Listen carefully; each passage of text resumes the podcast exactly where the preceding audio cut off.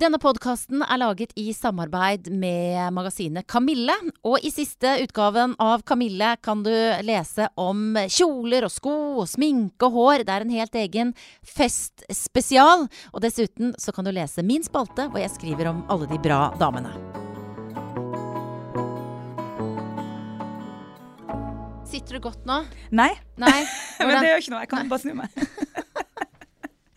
det er jo mer Dette her er podkasten Bra damer. Jeg heter Guri Solberg, og jeg driver nå og gir instruksjoner til eh, min eh, gjest i dag for å prøve å finne en sånn komfortabel og lydvennlig sittestilling. Mhm. Lene Marlin, sitter du godt nå, da? Du, jeg sitter kjempefint. Tusen takk. Ja, så må du bare Det gjelder å føle seg liksom i hvert fall ha en viss sånn komfortgreie, da. Mm. Vi skal jo sitte her litt og prate. Absolutt. absolutt. Jeg kommer nok til å flytte meg litt sånn underveis. Ja, ja men, Men det er greit. Det, det tåler vi. Du, hvordan går det med deg? Hva, hva, hvordan har du det om dagen? Du, jeg har det veldig bra. Mhm. Det er mm, spennende tidspunkt i The Voice akkurat nå. Det syns jeg er gøy. Så det er litt sånn eh, Jeg er både veldig spent, men så er det den skrekkblanda greia. Den blandinga mellom å både være glad og litt sånn ah, jeg må slippe noen på, på fredag. Du, det, det å være sånn mentor i The Voice, det, det, jeg, det ser ut som det er en oppgave som liksom passer deg bra. Du får brukt din, din bakgrunn og din erfaring. Og så får du vært kanskje litt jeg vet ikke, moderlig er feil, da, men litt sånn omsorgsfull, da, i hvert fall. Eh, hvordan, hvordan har du funnet fram til din, eh, hva skal jeg si, din rolle i programmet? Du, den har egentlig Jeg har ikke funnet den fram, den har egentlig bare blitt sånn. Eh, jeg tror når man sitter der, så er det Man glemmer for det første at kameraene eksisterer. Du sitter jo bare, I hvert fall i blind så sitter du jo bare og hører etter hvem som er der, og det er en veldig spennende runde, akkurat det. Du aner jo ikke hvem som er bak ryggen din. Så da er det egentlig bare Jeg tenker bare at her er det bare å være seg sjøl og kose seg og gå inn i det og lytte. Det er Mm. egentlig det som har vært eh, tanken bak det. Og så er det jo en liksom ny rolle for deg, for du har på en måte ikke ikke, Du skal jo prestere, men ikke på samme måte som når du er artisten. Nei. Eh, hvordan føles det? Jeg tror det, det, Den eneste runden jeg måtte ta, var egentlig bare det med OK, jeg gå ut og være på TV én gang i uka, i, eller fem ganger i uka, som det var i starten.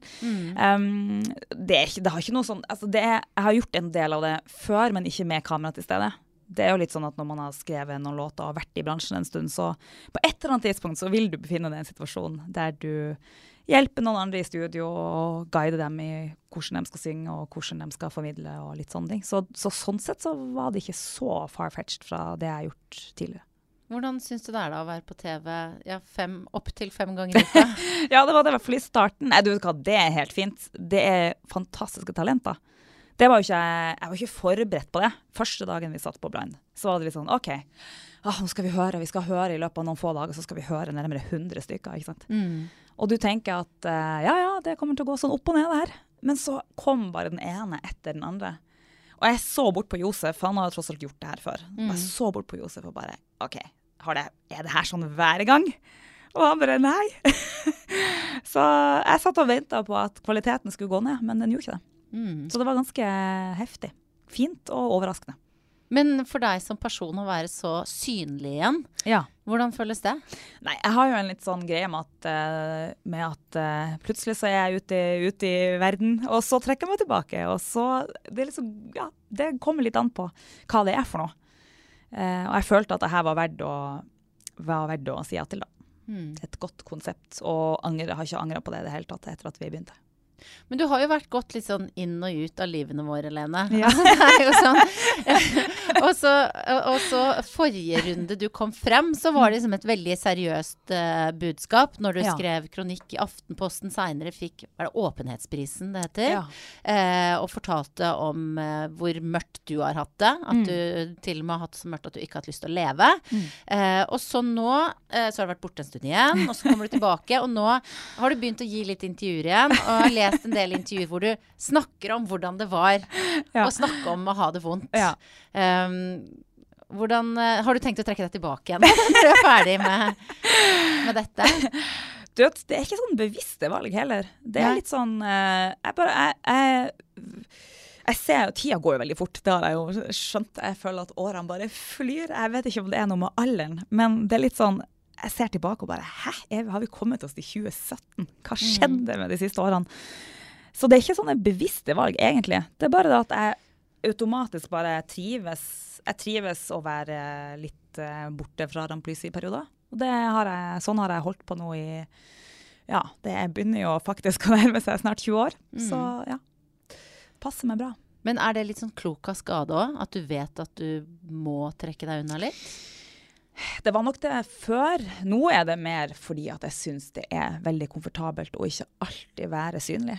Jeg mm. tror det, det, er sunt å være litt borte en stund. Det er i hvert fall noe som jeg har hatt gode opplevelser med.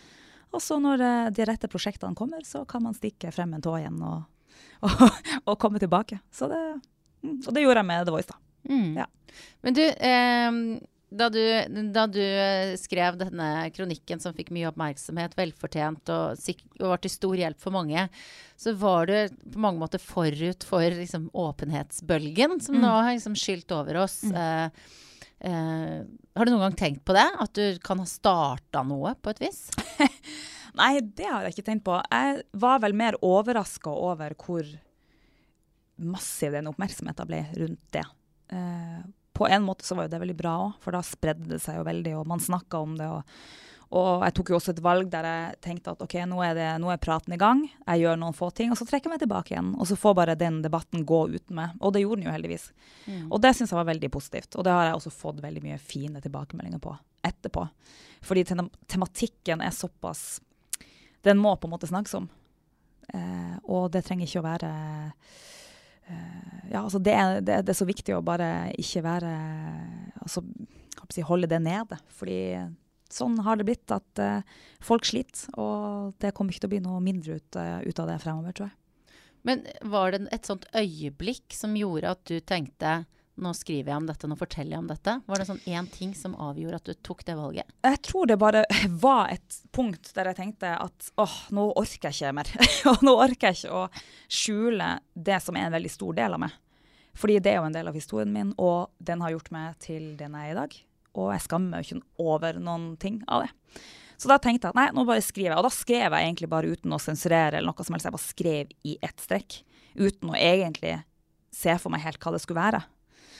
Og så lot jeg det ligge en stund. fordi det er noe med at det er noe med En ting at man skal være komfortabel i sin egen historie, det er én ting. Men så er det noe med når du har skrevet det ned, så tenkte jeg at nå skal ikke jeg gjøre noen overilte valg her. Nå må, jeg, nå må jeg faktisk bare la det ligge litt igjen. Og da gjorde jeg det. Så det var egentlig ganske, det tok ganske lang tid fra jeg skrev den, til den faktisk kom ut. Måneder, liksom? Ja, ja. ja, ja. Oh, ja. ja. Jeg, jeg, følte òg at når det gjelder en, en sånn viktig altså en sånn viktig tema, så følte jeg at jeg måtte være Det måtte føles riktig, det måtte komme på riktig tidspunkt. Mm. Hvem er det du rådfører deg med i en sånn situasjon? Altså, hvem fikk lese gjennom det før? Nei, det var veldig få, egentlig. Ja. Fordi jeg ville ikke la meg styre av noens kommentarer eller innspill. For det var jo min historie, så det var litt viktig at det ble det òg. Så det var veldig få. Men det var noen, ja. Absolutt. Men har du jeg har forstått sånn at dette er ikke noe du angrer på. Oh, nei, selvfølgelig. Nei, nei. Altså, jeg prøver ikke å insinuere. Sikker på at du ikke angrer. Nei, men har du altså, den derre følelsen når man forteller noen en stor hemmelighet mm. altså, sånn, Den er jo litt sånn overveldende. Man får, ja. mister nesten pusten. Ja. Hvordan var det når du delte en så svær ting med ikke bare en venn, men med hele Norge? du, hva det var faktisk en utrolig lettelse.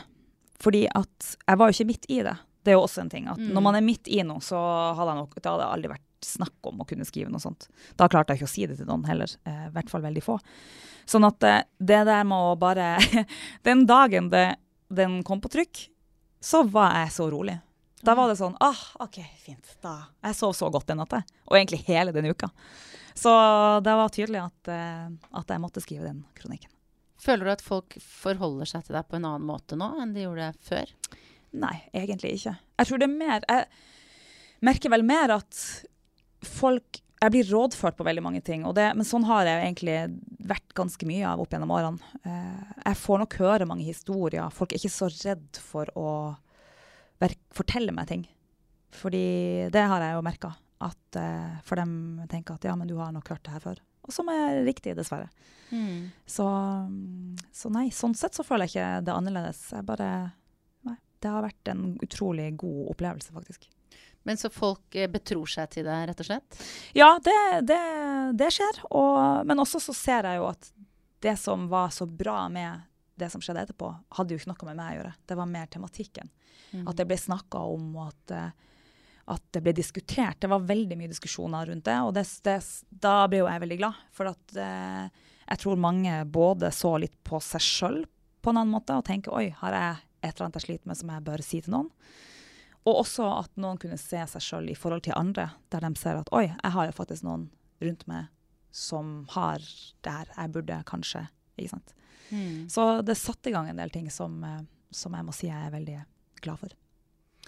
Du, jeg tenkte litt på det at uh, når du starta og ble popstjerne sånn på 1, 2, 3, i hvert fall for oss som så det utenifra, så var du jo veldig ung Eh, og gikk gjennom masse, mye oppmerksomhet og mye greier, uh, og sikkert knytta mye nerver til det også. jeg klarer liksom ikke helt å forestille meg hvordan det er, for jeg har bare liksom opplevd en tiny bit av det, og som voksen. Men er det sånn at når du nå ser tilbake, at du liksom, er det sånn at du angrer, eller har, har noe bitterhet i forhold til det sirkuset du har blitt Å nei. Nei, nei, virkelig ikke. Det angrer jeg ikke. Jeg angrer ikke. Jeg ser tilbake på det nå som en sånn eh, enorm reise. Eh, skal dog sies at en del av den reisa husker jeg ikke, men Det er fordi det bare du blacka ut, liksom? Nei, men det, blir, det har jo bare mer med arbeidsmengde å gjøre. Ja. Så, så jeg, nei, jeg angrer ikke på noe. Jeg er utrolig føler meg veldig heldig og takknemlig for, for, hvordan, altså for, for det som har skjedd. Det er klart at visse ting underveis kunne vært gjort annerledes, men det forandrer ikke det faktum at jeg ville ha gjort det igjen. Jeg hadde jo ikke sagt nei til den platekontrakten. Det, det må jeg innrømme. At det, det hadde jeg ikke gjort. Så jeg ser tilbake på det og tenker at OK, det, jeg lærte veldig mye av det. eh, På godt og vondt, og tar det med meg videre i livet. på en, eh, ja, Det har i hvert fall gitt meg, gitt meg en eh, spesiell erfaring, da. Mm. Ja. Men det er jo også oppskriften på katastrofe. Altså bli stjerne i så ung alder. Det er jo veldig mange det går ganske dårlig med. Ja, jeg, jeg, tror ikke nødvendigvis Jeg tror alderen i dette tilfellet ikke nødvendigvis var det som var utslagsgivende. Jeg tror det var mer at det ble så mye. Altså mengden arbeid i løpet av kort tid ble veldig både mye, og det ble veldig intenst. Mm. Så det tror jeg hadde De fleste, tror jeg uansett alder, hadde nok kjent på den at oi, det her var kanskje litt, eh, litt i overkant. Ja. Så, så jeg tror nok at akkurat det var Det var egentlig bare det at det, det, den snøballen rulla så sinnssykt fort. Og flere og flere byer og land kasta seg på. Og da var det jo om å gjøre hva rekker man på kortest mulig tid. Og gjøre alle fornøyde og happy. Så jeg drev jo og fløy rundt eh, ganske jeg, Det var mye flyplasser Ja. og mye, mye hotell. Så, så det var nok mer det, tror jeg. Var du ensom? Ja, det var jeg. Absolutt. For det blir jo litt en Til syvende og sist, uansett om du har folk rundt deg og nær deg som er med deg, og uansett, så er det likevel du som på en måte står i det fokuset. Mm.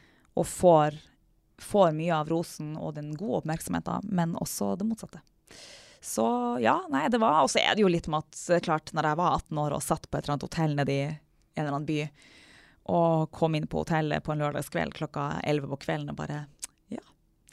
Ja, det var, det var her jeg skulle sitte. Det var ikke helt det jeg ville gjøre kanskje når du var, når du var liksom 18 år og var hypp på å være hjemme med venner og gå ut og ha det gøy. Men har du tatt igjen det nå? Eh, Ja, men altså Jeg føler jo heller ikke at jeg Jeg føler jo ikke at jeg gikk glipp av Altså, det jeg gikk glipp av, det vet jeg i så fall ikke om. Og jeg tenker at jeg fikk så mye opplevelser også. Så jeg føler aldri at jeg egentlig gikk glipp av noe sånn sett. Det var bare de få øyeblikkene der jeg tenkte «Åh, OK. Mm. Men det var, det var så få av dem. Så um, de betyr egentlig veldig lite. Hvor mye av det der popstjernegreiene har du igjen i livet ditt nå? Hvor mye er det på, på liksom flyplasser og swanky hotellrooms og sånn nå? Uh, ja, altså litt av det er det jo. Men jeg har jo ikke akkurat uh, Nå har jo ikke jeg gitt ut et album på veldig, veldig lenge. Så jeg lever jo ikke på den måten lenger. Og det var jo også et valg jeg tok når jeg skulle ut med andre plater. At eh, uansett så skal jeg ikke ha den arbeidsmengden som jeg hadde sist. Så da ble ble det et mye mer eh, Da ble det ikke tre land om dagen, Mm. som hadde vært tidligere. Da, så jeg lærte noe av det ganske tidlig. Og nå eh, Hva ser du for deg nå, da? Sånn med ny musikk? jeg, jeg vet hva, jeg aner ikke. Jeg vet ikke. Jeg blir jo veldig inspirert av de fine artistene på The Voice. Det er jo, når man er veldig holder på med mye musikk, så blir du inspirert av det. Så jeg kjenner jo at det er mye lettere nå å sette meg ned med gitaren og begynne å spille litt og synge litt. Men jeg har ikke noen planer om noe album, nei. Blir du stressa av at jeg og andre spør Nei. sånn Ja, ja, ny Nei, for- musikklene? Nei, fordi det har jeg hørt i så mange år. Så, så det, det, det blir ikke jeg stressa av i det hele tatt. Og så lukker jeg aldri døra heller. Jeg tenker ja ja, hvis det skjer, så skjer det. Men akkurat nå så har jeg ingen planer. Men plutselig vet aldri. Men er du sånn at du står opp om natta og sitter og jobber og sånn? Ja, jeg er veldig sånn at jeg sitter At jeg ikke legger meg. Oh, ja. Ja, og sitter oppe på natta. Og sitter og jobber litt og skriver litt og sånn. Så det gjør jeg. Og jeg har jo en eh, ganske mange bøker og notater rundt omkring med en liten linje her og et par linjer der. Så, så hun jobber ganske kreativt uansett. Satt oppe i natta? I natt satt jeg opp, ja. I natt var jeg oppe til eh, altfor sent, ja. Mhm. Hva, hva kom ut av denne natten? Nei, da er det mer at man sitter og pludrer litt med noen små melodier. Eh, og egentlig ikke noe konkret. Det var bare at jeg, Og så blir det sånn, når jeg først setter meg ned, så kan timene bare gå. Og så glemmer jeg alt. Og så tenker jeg oi, det er, nå, er det, nå må jeg gå og legge meg. Hva er det du skriver om?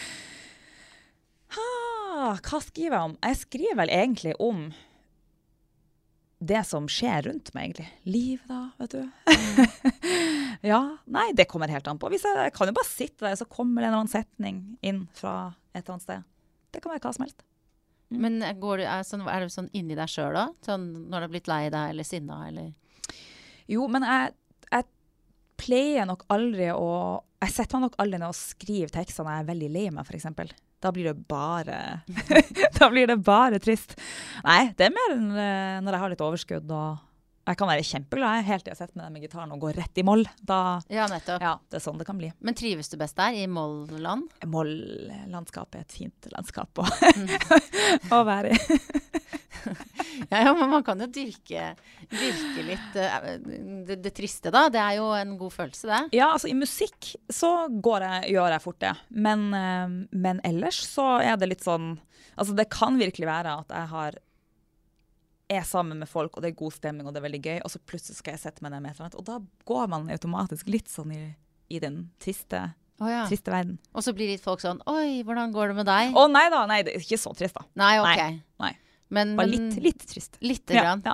Men, eh, er du, men er du ofte trist sånn ellers? Altså, Nei. nei. Det slår meg ikke som veldig Nei. nei, jeg er ikke det, men jeg er, jeg er veldig Hva skal jeg si? Jeg vil vel si melankolsk. Eller jeg liker f.eks. å bare gå rundt og se på livet og se på byen og bare sette meg ned og tenke. Det, det har jeg nok i meg. Det har jeg alltid hatt. Så, og ikke trist, men bare tankefull.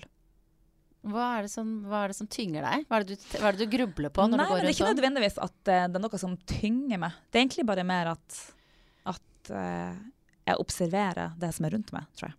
Mm. Og tar inn, tar inn det, om det er folk, eller sitter og ser utover sjøen, eller sitter og bare går gjennom, går gjennom skogen, eller du vet, sånne ting. Mm. Mm. Men det at du eh, har eh, liksom kjent på liksom det mørkeste mørket, Ja. eh, som mange av oss ikke liksom toucher innpå en eneste gang. Eh, hvordan forholder du deg til det nå, f.eks.? Sånn nå om Mm. dagen? Du, nå er det bare en del av livet mitt, egentlig. Mm. Det er sånn jeg ser på det. Og det er en del av historien min, og det har på en måte Og det er en ganske stor del av det òg, Og den har igjen gjort meg til sånn som Altså gitt livet mitt den, det innholdet som det har i dag, da. Mm. Så jeg tenker at eh, for meg så tenker jeg ikke noe over det, egentlig. Noe annet enn at å ja, OK. Når jeg blir spurt om det, så svarer jeg. Men er det sånn at, eh, at, man, at du på en måte kan være redd for at det skal dukke opp igjen når man har opplevd noe sånt? Jeg tror man aldri har noen garantier for noe som helst. Og det er verken jeg eller noen andre. Livet, livet skjer, på en måte. Og ting kan komme helt uventa. Så jeg, jeg er egentlig litt sånn Jeg tenker ikke på det Nei. i det hele tatt. Du virker jo veldig sånn um, på plass i deg sjøl. Det er Ja. kanskje en klisjé å si det, men, men sånn OK, du har roen på et Mm. vis. Ja, det kan jeg si meg enig i. Når fant du den? Oh, godt spørsmål. Jeg tror den har bare kommet snikende litt sånn etter hvert, faktisk. Um, det er klart at sånn sett det der, Jeg fikk jo mange ganske heftige opplevelser tidlig i livet som gjør at jeg følte vel også på mange måter at jeg ble fortere voksen. Um, sånn at når jeg da vippa 30 år og alt det, så kjente jeg jo at oi, OK, det har vært et ganske innholdsrikt, det har vært et ganske innholdsrikt liv. Så jeg tror bare den roa har kommet sakte, men sikkert med årene. Det, er det noe du gjør eh, altså aktivt for å være så laidback? Nei, det er ikke det. altså. Ikke som jeg tenker på. Da må det i så fall være ubevisst. Mm. Men nei, det er ikke noe som jeg aktivt uh, går inn i. Men du, hvordan er livet ditt Unnskyld. Høres ut som jeg holder på å begynne å grine. Men jeg skal bare, jeg lurer bare på, Lene, hvordan, hvordan er livet ditt nå? Sånn, hvordan er hverdagen din? Nå veit jeg jo hva du gjør på mm. fredager, ikke sant? For da ser vi deg på TV. Mm. Men hva gjør du ellers? Nei, altså hverdagen akkurat nå er jo det med f.eks. da med The Voice, er jo ikke bare den fredagsbiten av det. Det er ganske mye jobb som skal gjøres i forkant og i etterkant, og følge opp artister og hele, hele, det rundt. Så akkurat nå så tar det veldig mye av uh, plassen min i mm. huet. Tenker på det og Så det er veldig, veldig fint, da. Og er veldig givende. Så det er det som egentlig kom, Det er sånn det kommer til å være nå frem til, frem til uh, desember. Og hva skal du gjøre da? Du, da skal jeg gjøre en del ting, men uh, ikke helt fastsatt ennå. Så vi får se på turné med Nei, det er, sånn, sånn, det er sånn, alle sånne store planer som folk har. De er ja, alltid nei. så hemmelige. Nei, ja, det er det. Ja. Mm. Nei. Ingenting. Men hva er det du drømmer om å følge, fylle livet ditt med, da? Du, jeg er såpass heldig at jeg føler at jeg får gjøre utrolig mye av det jeg har lyst til. Og har vært i en situasjon der jeg har fått kjent litt på, på hva jeg vil, da. Og jeg tenker at sånn som nå, så er det helt perfekt. Og det med, med The Voice kom på et veldig bra tidspunkt. Mm. Jeg har vurdert å si nei, selvfølgelig. Jeg er ikke ja. den som sier ja til så veldig mye. Men så bare begynte jeg å tenke at nei, vet du hva. Det her er faktisk et utrolig bra konsept. Og jeg liker det. Altså, jeg har alltid likt det konseptet veldig bra. Også hele den ideen at du skal sitte med ryggen til. Du aner ikke hvem som er bak deg, hvor gammel de er. Så hele det der eh, syns jeg var veldig spennende. Så jeg tenkte at nei, nå skal du, nå skal du si ja. Mm. Så gjorde jeg det, da. Magefølelsen? Ja, og så er det litt sånn at uh, jeg følte at, uh, at uh, av, av, alle de konseptene som er der, så, så, jeg, så liker jeg The Voice veldig godt sjøl å se på. Så da var det riktig. Du, det at du sitter med ryggen til, og at du aner ikke om uh, hvem det er som står der og synger. Du tar liksom fjerner helt den utseendebiten, som du sier. Um, men din erfaring fra musikkbransjen, uh, har du følt at det har vært et uh, mye fokus på utseendet? det var jo veldig mye Jeg var ganske klar på hva jeg ville i en ganske ung alder. Altså det, det, var jo 17-18-19 år. Um, og det var klart at det var masse press fra forskjellige om både det ene og det andre. Men da var det jo litt sånn at jeg tenkte at det må jeg bare stå imot. Fordi det her må være med, og det er viktig at uh, jeg kan stå inne for det jeg gjør. Og at jeg kan stå inne for den det, altså både musikalsk, men også ellers. da. Så mm. jeg var veldig bevisst på akkurat det. At uh, folk fikk ikke lov til å bare Ja, ta på den her. Så bare Nei, det, det, trenger jeg ikke. Så det er klart, det, det vil jo opp Det skjer jo. Mm. Og da er det bare om å gjøre å tenke litt at hvis man uh, altså tenker at er det her noe jeg ønsker sjøl, da? Eller gjør jeg det bare fordi at folk spør meg, ber meg om det? Det er jo veldig imponerende at du hadde det i deg som uh, tenåring og fersk i uh, popbransjen. Ja, egentlig så er jeg litt overraska. overraska sjøl. Men jeg tror det var også litt å holde den identiteten. Fordi jeg skrev jo all musikken min sjøl, tekst og musikk, så det var, det var, på en måte meg fra A til Å. Mm. Uh, jeg skrev alle tekstene mine for hånd inn i, inn i coveret. Jeg husker når vi skulle drive og styre med det, med det coveret der, og det var på en måte veldig sånn med hele veien.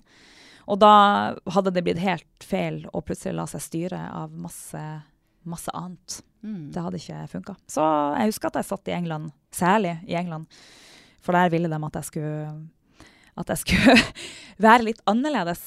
Og kle meg annerledes og være litt mer sånn ja, litt mer Spice Girls-aktig. Oh ja. vil, vil, du, vil, de ha deg inn i sånn magetopp og bøflesko? Ja, liksom? litt, ja, så litt sånn, og bøfleskoene hadde jeg for så vidt. Ja, ja. så så der, der, var det null stress. Men nei, det var litt sånn. Um, det, det, var, det, var, ikke, det, Den diskusjonen varte ikke så veldig lenge, men jeg husker at det kom opp i et sånt møte i, i England. Som, dem, som sikkert de gjør eh, som sikkert helt vanlig. Ja. Og da, da husker jeg i hvert fall at jeg sa at eh, Da sa jeg i hvert fall at hvis det er en sånn dere vil ha, så, så er det ikke meg. Så da kan dere lete en annen plass. På engelsk i Ja. møte med plateselskapfolk. Liksom dunka du, slo du hånda i bordet, eller husker Nei, du det gjorde jeg ikke. situasjonen? Nei, for jeg var veldig sjenert da. Mm. Så jeg, det må ha sittet ganske langt inne å si det. Men jeg bare kjente at det var bare så feil. Ja. Og på det, på det tidspunktet her England kom jo ganske sent av alle land. De var ganske eh, Ja, eh, ja det, jeg hadde vært ganske mye på turné før de eh, skulle gi ut plate. Så Mm. de kom liksom litt sånn Litt sånn etterpå. Ja. Og da var jeg ikke så veldig villig til å Jeg sa bare at ja, men det har jo funka, og det er sånn jeg trives, så da får det bare være sånn. Ja. Ja. Inspirasjon fra ung Lene Marlin til alle som hører på. Til å bare, bare si ifra, selv om det virker litt eh, skummelt der og da. Ja, altså, jeg tror i hvert fall at eh, det handler litt om at du skal være komfortabel. Og føle at du kan stå inne for det. Det var i hvert fall veldig viktig for meg. Mm. Har du vært i mange ukomfortable situasjoner? Nei, altså ukomfortabel, det er vel altså, Jeg forstår jo at eh, det er sant, masse folk i rommet, man slenger ut ideer. Hva med det? Hva med det? Ja. Ikke sant? Så nei, egentlig ikke. Jeg føler vel at, eh, at eh, det har gått ganske bra, ja. Mm. Ja. Du, hva, når du nå har disse purunge, noen av de i hvert fall, eh, popstjernespirene som du har å gjøre med i The Voice, og som du har hatt å gjøre med, hva tenker du akkurat av og til litt sånn åh, de aner ikke hva som ligger foran dem. Stakkars barn! Eller Nei, nei, det gjør jeg faktisk ikke. Um, nei, jeg tenker at uh, dem, jeg ser på dem hvor mye det betyr for dem, og de jobber veldig hardt. Og jeg bare får sånn hjerte for dem, egentlig. Mm. Både jeg ser at eh, åh, det her er noe de virkelig brenner for og har lyst til å drive med. Så eh, nei, det er mer så det jeg får litt sånn åh, det er så godt å se, da. Godt å se at det, det her det betyr noe for dem, da. Og så tenker du på deg sjøl når du måtte løpe hjem fra skolen for å spille gitar i fritimen og sånn, at de har den samme iveren. Ja, altså det, nei, det har jeg faktisk ikke tenkt på. Nå kommer jeg til å tenke på det. Ja. Eh, nei, men det er klart, det er noe med den derre Det husker jeg òg. Um, at den utrolige gleden å drive på med musikk i start, Særlig når veldig få vet om det. Nå skal det sies at i deres tilfelle så vet ganske mange om det nå. men det er jo noe veldig sånn jeg husker jo det når du sier det nå. Det å springe hjem og sitte og spille og synge for full hals i 55 minutter, og så løpe alt man har for å rekke, rekke skolen. Det var jo gode tider, altså. Mm. Har du den samme iveren i deg nå?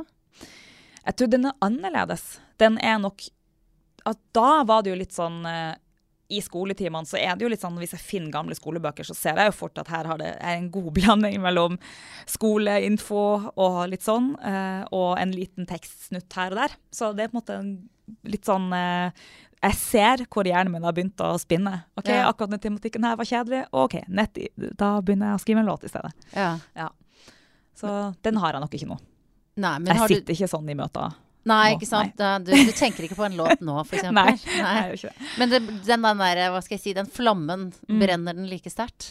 Jeg tror den brenner annerledes, Mm. faktisk. Og det, det har også med Nå er man eldre, opplevd mer og har sett mer da, av Ja. verden. Det hørtes veldig gammel ut, da. Men Ja, ikke Jeg kjente det. jeg kjente det nå.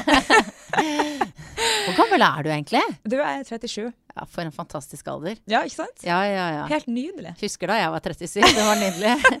Det er fint å være 41 nå, så du har bare det? mange oh. ting å se fram til. Ja, men du vet hva, akkurat det det er litt morsomt når du sier fordi alder er egentlig veldig lite opptatt av.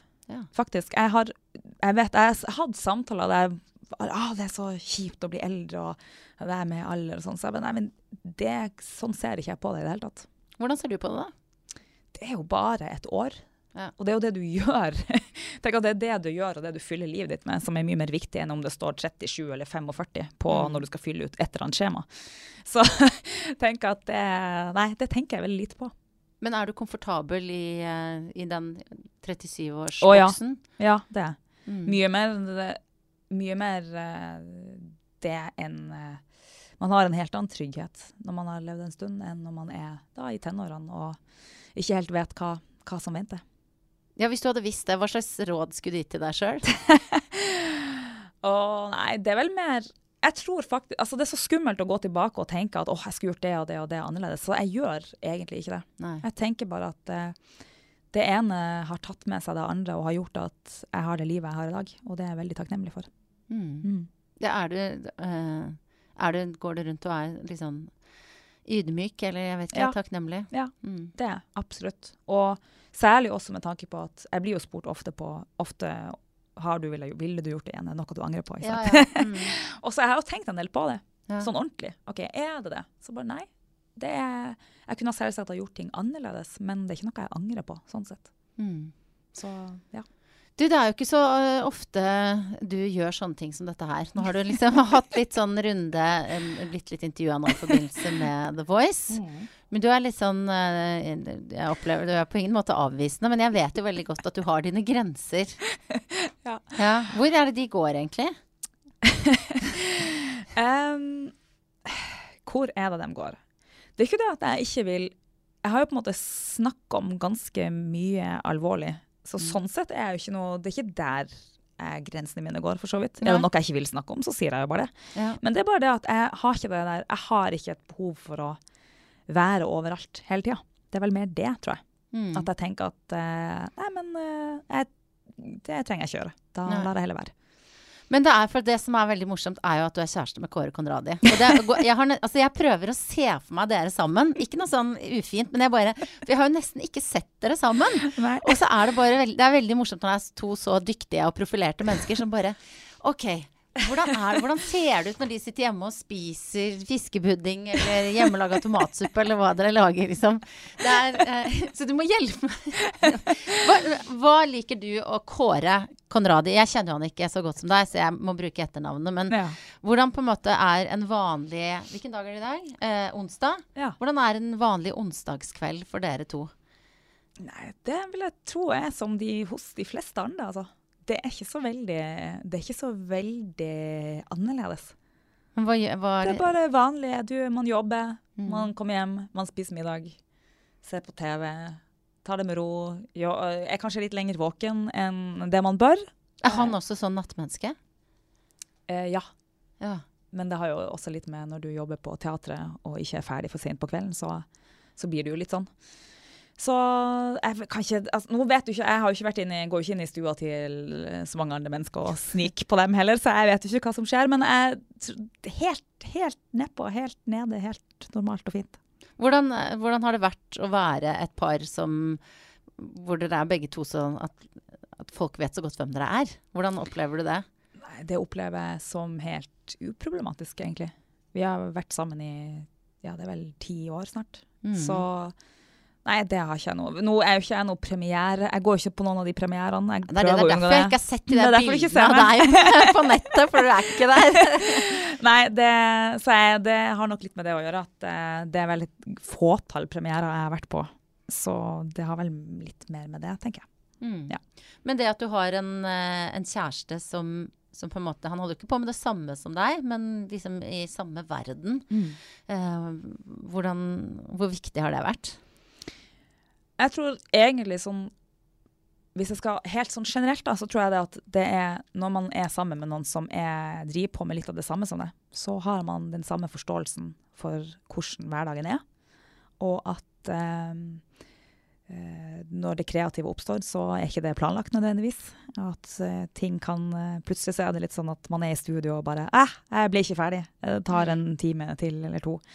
Så hjelper det selvfølgelig at eh, den som er hjemme, har forståelse for det du driver på med. Men det tror jeg det gjelder jo egentlig de fleste, de fleste yrker og sånn, da. Så jeg tenker at eh, det har i hvert fall vært For oss har det vært bra. Så dere behøver ikke å krangle om sånn eh, at når du bare jobber natta, natta igjennom, så skjønner han det? Ja, nei, det har faktisk eh, vært ekstremt lite problematisk, akkurat det. Mm. Hva er det dere liker å gjøre da, når dere ikke er i disse kreative boblene deres? Hvor dere sitter og roer ned til forestillinger eller skriver sanger? Nei, da er det da er, Akkurat det kjenner jeg at det skal jeg ikke prate om. Nei, nettopp. Nei. For der går grensa di, Ja, der går faktisk For da er vi inne i sånn ferieplaner og familiealbum. Ja, nei, da, ja. Da, og det liker jeg å ha, ha for, for oss sjøl. Mm. Mm. Men uh, for det, og det er jo liksom interessant som du selv sier, at du, du at det hvordan det er, går an å åpne én skuff, Ja. men ikke en annen.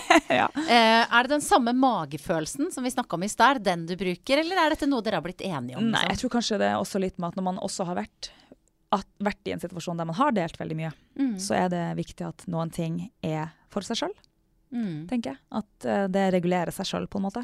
Ja. Og nå, det er jo også litt sånn jeg har tenkt på at i forhold til musikken min og sånn, og alle låtene som jeg har skrevet opp gjennom tida, det har jo vært Det er jo mine tekster og mine melodier. Og det er også en veldig personlig Det er faktisk veldig, veldig personlig. Ja. Så, eh, så jeg føler at jeg egentlig har delt veldig mye av meg sjøl i mange år. Eh, men på litt forskjellige måter. ja, sånn at eh, Og det er kanskje sånn folk ikke tenker over alltid? Nei, det kan være. Det kan absolutt være det. Men da, da tror jeg også at det blir ekstra viktig. Jeg bare kjenner at jeg, det er behovet for å være veldig åpen om forhold eller veldig sånne nære familieting. Det, nei, det er jeg ikke, rett og Mm. slett. Den, der, har, der stopper det litt. Ja, og også Mm. kanskje når det handler om andre enn deg sjøl, da. Ja, ikke minst det. Det har selvfølgelig også mye med det å gjøre. Fordi det var lett for meg å dele min historie, for den var jo min. Mm. Men, eh, men eh, jeg liker å holde det nære. Det familie og venner og sånn, det kjenner jeg at det, kan, det er litt nærmere. Ja, ja, det Ja. forstår jeg. Mm. Men har du da en sånn, har du en, har du en sånn slags sånn indre sirkel? Altså selvfølgelig med kjæresten din, men har du liksom jeg vet ikke, venner, managere, noen av de som er liksom dine nærmeste pårørende? Ja, det har jeg selvfølgelig. Man har jo, jeg har jo mange, mange rundt meg som både er i bransjen, og som ikke er i bransjen, og som jeg har kjent uh, i mange år. Og det, men det er sånn som jeg kjenner at det er litt sånn Ja, nei, jeg liker å holde det veldig nært, faktisk. Mm. Mm. Hva er det som gjør deg engasjert? Å, ganske mye. Mm. Nei, det Altså, vanske, litt vanskelig for meg å svare på, faktisk. Fordi jeg lar meg lett engasjere, Ja. og lett rive med, eh, og blir veldig lett begeistra. Så ganske mye er Mm. svaret på det. Er du, er du f.eks. Uh, politisk engasjert? Um, ja, det kan jeg være.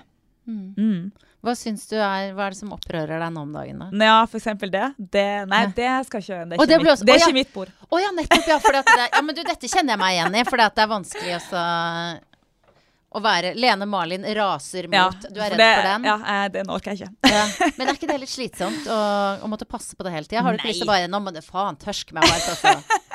Nei da, ikke i det hele tatt. Nei, det er ikke slitsomt i det hele tatt.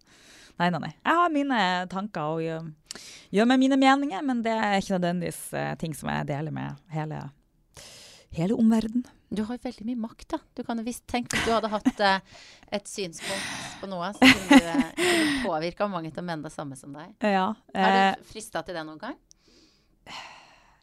jeg har nok vært det.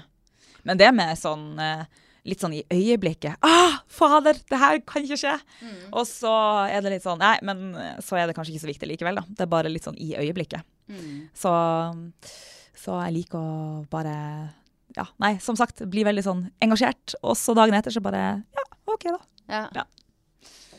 Sånn vil jeg vel egentlig si at det er. ja. Mm. Jeg ser det for meg. Er du, er du en hard sånn eh, Hvis de hadde vært uenig med deg i noe, hvordan er du å møte til, i en diskusjon? Ikke sånn Dagsnytt 18, altså, men sånn type sånn hvis de hadde hatt en flaske rødvin her og Åh. langt på natt. Hvordan er du som motdebattant da? Åh, det kan komme an Det kommer jo veldig an på tema, selvfølgelig. Ja, Fordi hvis jeg, har, hvis jeg kan noe om det, så kan jeg jo være ganske Ikke påståelig for å være påståelig, men jeg, jeg liker å diskutere, ja. Mm. Men ikke, ikke, mest, ikke for å ha rett, nødvendigvis. Men mer for at det kan være gøy. Det kommer frem mye morsomt i en diskusjon. mm. Men det må jo være med, med litt sånn lett hjerte. Det er ikke sånn beinhard eh, Nei, nei. Men eh, nei, og jeg er heller ikke så veldig sånn på, eh, på å melde sånn Jeg blir litt sånn, jeg syns det er litt ubehagelig når folk Det er no, noen som liker å diskutere, Ja. og så høres det ut som de krangler. ja. Eh, og da er jeg sånn, da kan jeg få gråten i halsen. Å ja, å nei. Ja. Å nei. Da tror jeg du hadde kanskje slitt litt med å være rundt meg. Ja, hadde Ja. det. Jo, for det, fordi jeg blir eh, da, når da blir jeg engasjert. Så det, da er det mye hender og mye, mye engasjement. Og det kan for noen virke som at, at det er noe annet enn engasjement. Å ja, og så Ja. folk liksom bare tror at uh, du blir sinna? Ja. Og så blir jeg ikke det. Nei. Eh, fordi at eh, Nei. Det er bare engasjementet lever, kan du si. Og der er vi jo alle litt sånn forskjellige, sant. Noen er jo da, som meg, tydeligvis litt sånn sårbar og nærtagende. Å, ikke vær sint!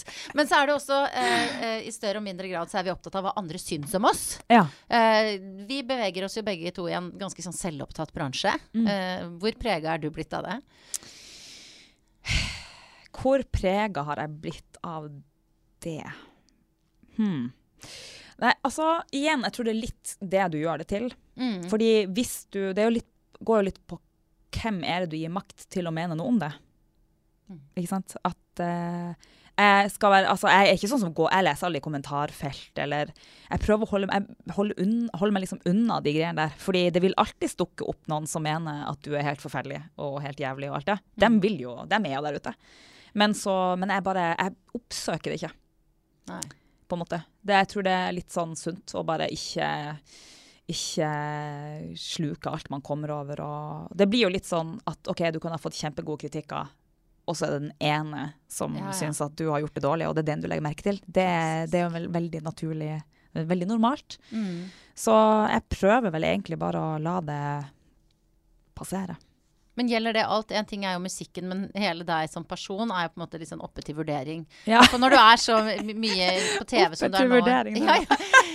Bare så du, I tilfelle du ikke visste det, nå har jeg liksom minnet deg på Ja, det. nei, men det, det er helt greit. Nei, men det følger jo bare med. Mm. Og igjen, det er litt sånn Jeg er ikke så veldig på Ja, det er litt med at jeg oppsøker ikke hvor den arenaen der det blir delt mye, mye, mye kjipt. Det er, det er ikke der jeg sitter, på en måte. Jeg oppsøker ikke det. Men er det noe du, en sånn trygghet eller en sånn beskyttelse du har utvikla etter hvert? Eller hvordan var det liksom, hvis du skal se tilbake på uh, karrieren din? Har du vært like god på det alltid? Ja, altså, jeg har jo levd med tilbakemelding og både ros og ris i ja, snart 20 år. Så Mm. det er på en måte bare blitt en del av Så jeg, jeg er jo vant til det, på en måte. Mm. Men jeg tror også at uh, det gjør òg at du er bare litt sånn mer bevisst på Ja, men da trenger jeg ikke å oppsøke det heller.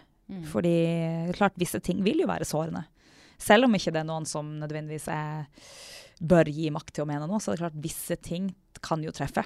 Uansett. Selv hvis du har en litt sånn dårlig dag fra før av og er litt ekstra sårbar. Ja, ja, ja. Så det blir jo litt sånn Enkelte dager der tåler man mye Tåler man mindre enn andre dager. Mm. Det tror jeg vi alle har kjent litt på. Hvilke dager tåler du minst?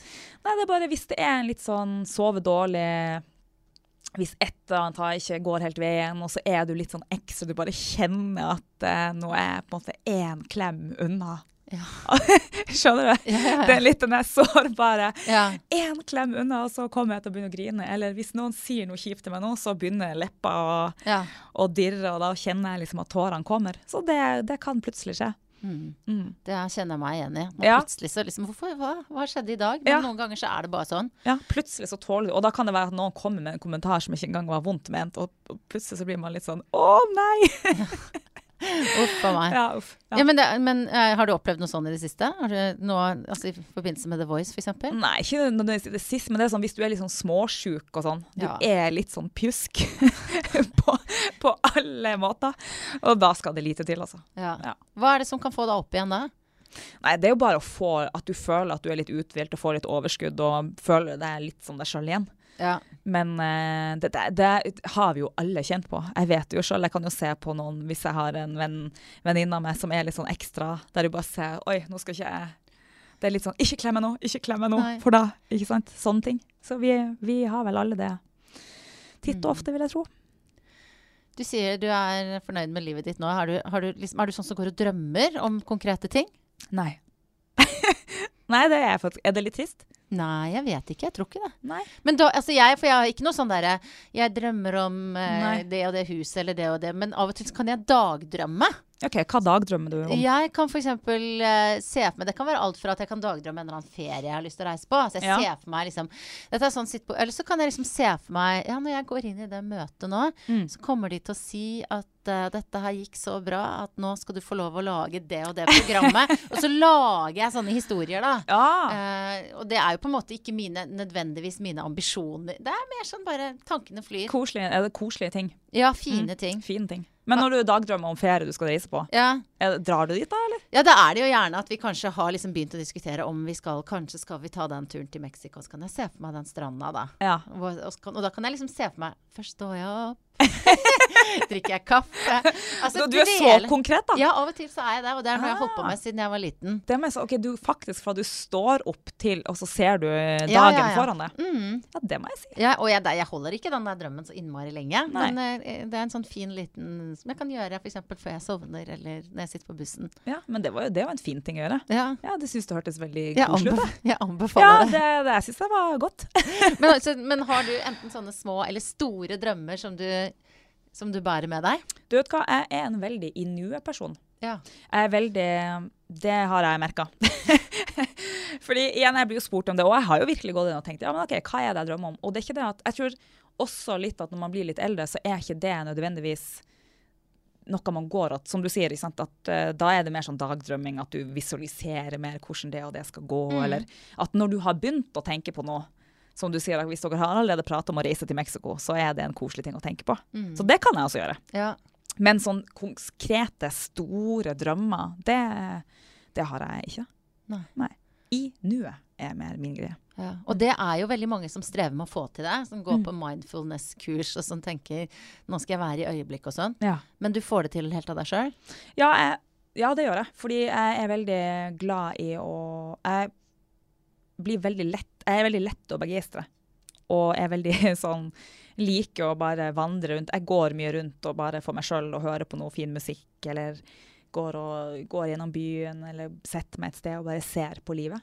Og det, Mm. sånt synes jeg, det gir meg veldig sånn følelse av å være til stede og i nuet. Og ser på det som skjer rett foran meg der og da. Ja. Ja. Hva hører du på da? Du, da hører jeg på mye forskjellig. Eh, da er det litt sånn random, egentlig. Eh, vandre rundt. Litt avhengig av uh, Avhengig av uh, Hvis jeg bare skal gå og la tankene flyte, så kan det bare være sånn at jeg går og hører på noe sånn instrumentalt, bare så jeg har en melodi baki der et sted, mens jeg lager meg noen historier mens Ja. jeg vandrer gjennom byen. Ellers så det, kan det være hva som helst, egentlig. Jeg er veldig altetende på musikk. Mm. Mm. Jeg var så nysgjerrig. Tenk å bli name-droppa Lene Jeg har like Ja, jeg liker godt den nye plata til Nei, nå, nå I det siste så er det jo også litt sånn at jeg går og hører veldig mye på, på musikk som kan være aktuelt for The Voice, Mm. og litt sånt. da. Så det er veldig mye forskjellig jeg går og lytter på. Mm. Mm, veldig glad i det. Du, jeg var jo så vidt innom det der med hvor mye av det popstjernesvungen du har i livet ditt nå, med sånne Ja. flyplass og sånn. Og, og det er jo litt for at du driver jo også og lefler litt med låtskriving eh, på mange forskjellige, bare ikke hjemme i stua di, men du har skrevet låt eh, for Rihanna blant annet. Ja. Hvordan, eh, hvordan, hvordan funker sånne ting? Du, nå er det jo sånn at nå kan man jo sitte i hver sin verdensdel og skrive musikk. Det er Såpass enkelt har det jo blitt. Eh, så det var veldig Jeg møtte ikke henne før lenge etterpå. Mm. Så det var ikke sånn at eh, man satt i samme rom, nei. Og du liksom dro noen akkorder, så Ja, nei. This, Rihanna? Så, oh, nei, nei, det var ikke sånn.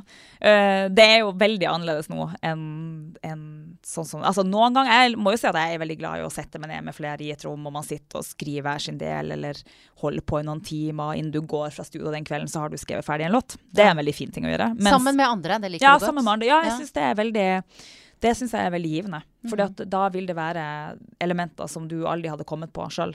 Hvis noen sier «Ja, men 'hva med hvis vi gjør sånn'? Ja, OK, det funka. Eller 'hva med den tekstlinja'? Ah.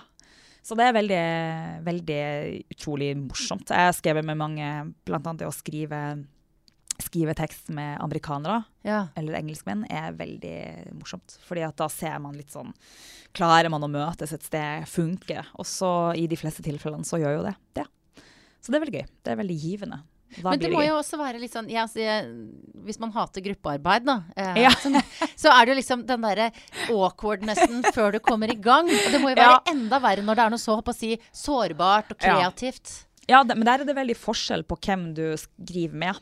Mm. Fordi det kan være at uh, man har forskjellige prosesser, selvfølgelig. Det kommer an på hvem, hvem som sitter i det rommet. Mm. Og, så det har vært mange, mange rare Mange fine sessions og mange rare sessions. Og noen sånne sessions der jeg tenker OK, det her ble ikke helt som jeg så for meg, men da får vi bare gjøre det beste ut av det. Ja. Ja. Fordi noen overkjører deg, da? Ikke? Nei, egentlig ikke det. Det er faktisk mer det at man blir så når, man, når du skriver sammen med noen, så må du på en måte være litt Du må være litt fleksibel. Ja. Uh, og eh, Nei, det er bare mer at hvis man bare er fra to forskjellige verdener, og bare ikke klarer å bli enige om retning. Da skjønner man at ok, det her blir en litt corny låt. Vi kunne i utgangspunktet ha skrevet to låter. Ja. En hver, istedenfor å sitte og prøve å gjøre et eller annet, for det her blir ikke bra, liksom. Så det skjer. Så da er det litt sånn at du sier ha det, see you, og så Ja, vet du blir at det mer- er. Da blir det mer sånn OK, da lærte man noe av det òg. Ja. Og så tenker man at OK, det er kanskje ikke denne låta som blir gitt ut med det første, men uh, OK. Sånn er det bare.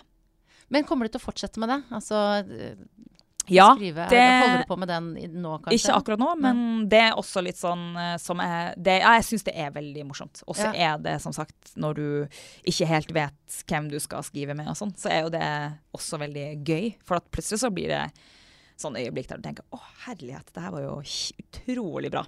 Ja. Så eh, man vet ingen dag er lik. Det er i hvert fall sikkert. Og du har det fortsatt i deg, Lene?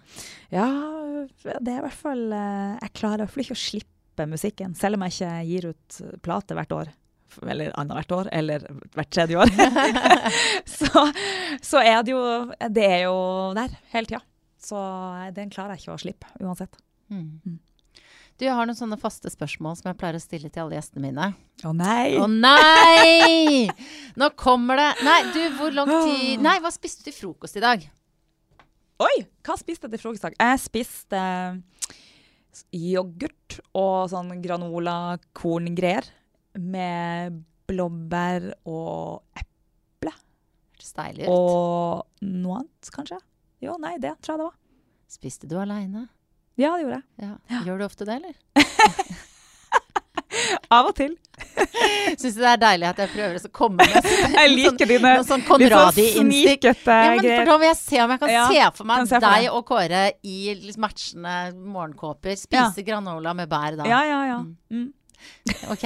Neste spørsmål har ikke med han å gjøre. Eh, hvor lang tid brukte du på å finne ut hva du skulle ha på deg i dag? Eh, Det var kort. Jeg brukte vel eh, Det lå på en måte fremme. Så det var hva, Hvor lang tid, da? 45 sekunder, kanskje? Mm. Ja. Sånn fordi at det, du ikke bryr deg så mye om det, eller fordi du hadde liksom en plan i går? Nei, både fordi at jeg ikke er sånn Jeg bryr meg om det, men ikke mm. sånn at jeg tenker mister nattesøvn. Nei, hva skal jeg ha på meg? Nei, det, det gjør jeg ikke. Men, eh, men også, så bare la jeg det frem i går. Så da slapp jeg den, det styret hvis jeg f.eks. var litt sånn treg med å stå opp.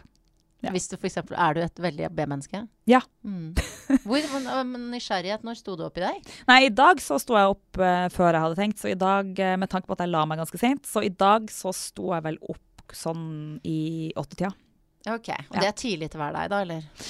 Ja, hvis du Særlig når vi for når vi har hatt sending, så er vi, er vi jo ikke ferdig for halv elleve, elleve på Mm. kvelden. Og jo ikke, det tar sin tid å komme seg ut av arenaen. Så det blir automatisk til at det blir veldig sent. Mm. Så ja, så jeg er ikke, jeg er ikke den som syns det er kjempegøy å stå opp klokka seks på morgenen. Men det har det aldri vært. Det, er det verste jeg vet, er å ta sånn morgenfly. Ja, Da vil jeg Uff, nei. så det gjør det Det er ikke det verste jeg vet. Men, men det er litt sånn åh, Kan jeg unngå det, så gjør jeg det. Og så har vi det neste spørsmålet. Mm. vet, du, vet du hva jeg pleier å eh, hva det neste Nei. spørsmålet er? Nei. Nei. Men det er jo litt morsomt, for nå bare Jeg setter blikket mitt i deg nå. Når hadde du sex sist? Kødder du? Å, du skal være så glad at ikke jeg sjekka spørsmålet på forhånd, for da hadde jeg ikke kommet. Han satt bare sånn Nekter og men, men på en måte Jeg hadde jeg, det, det er, Jeg har en sånn regel om at det skal stilles til alle. Ja, men du, jeg syns det, det er en bra regel å ha. Du Ja. kommer ikke til å få noe svar herfra. Nei. Nei. Der var det jo mye juicy for meg som er nysgjerrig Ja, ja, ja. eh, på deg og kjæresten din. Men vi får heller bare la det ligge. Jeg syns vi skal la det ligge. Ja, så går vi heller videre til et annet siste spørsmål som jeg alltid stiller. Jeg er ikke så Nå er det ingenting med noen andre enn deg å gjøre. Ok. Eh, eh, eller ikke nødvendigvis. Hva synes du kjennetegner en bra dame? En bra dame. Altså, nå kjenner jeg utrolig mange bra damer. Og det er rett og slett bare som klarer å gå litt sin egen vei. Være tydelig og stå på sitt. Være raus, men samtidig Altså hm, Det er litt sånn eh, det er, altså For meg, da dem, Jeg kjenner jo, jeg vil si at jeg kjenner bare bra damer, mm. rett og slett. Det er folk som bare peiler ut sin egen vei og stå for det. Og tørre å, tørre å være, være i seg sjøl, Mm. egentlig. Hva syns du om det svaret? Jeg syns det var bra. Syns du det? Jeg syns du beskriver deg selv. Syns du det? nei. Eh, Jeg vet ikke var det. det du gjorde Ja, nei. bevisst, men jeg syns at de tingene kan man si om deg. Og etter den Mm. samtalen vi har hatt nå, så dette med å stå i seg selv og gå sine egne veier og Ja. Si til eh, britiske plateselskapsbosser at de kan bare drite i det antrekket, det er noe å strekke seg etter. Ja. Nei, og så er det jo selvfølgelig Jeg syns bare generelt så er det utrolig mye fine folk. Dame eller mann, så er det Kjenner jeg at jeg i hvert fall omgir meg med i hvert fall det med Ja, er veldig bra, bra mennesker. Mm. Mm. Tusen takk for at du kom, Lene. Du, tusen takk for at jeg fikk komme. Veldig hyggelig å prate med deg. I like måte.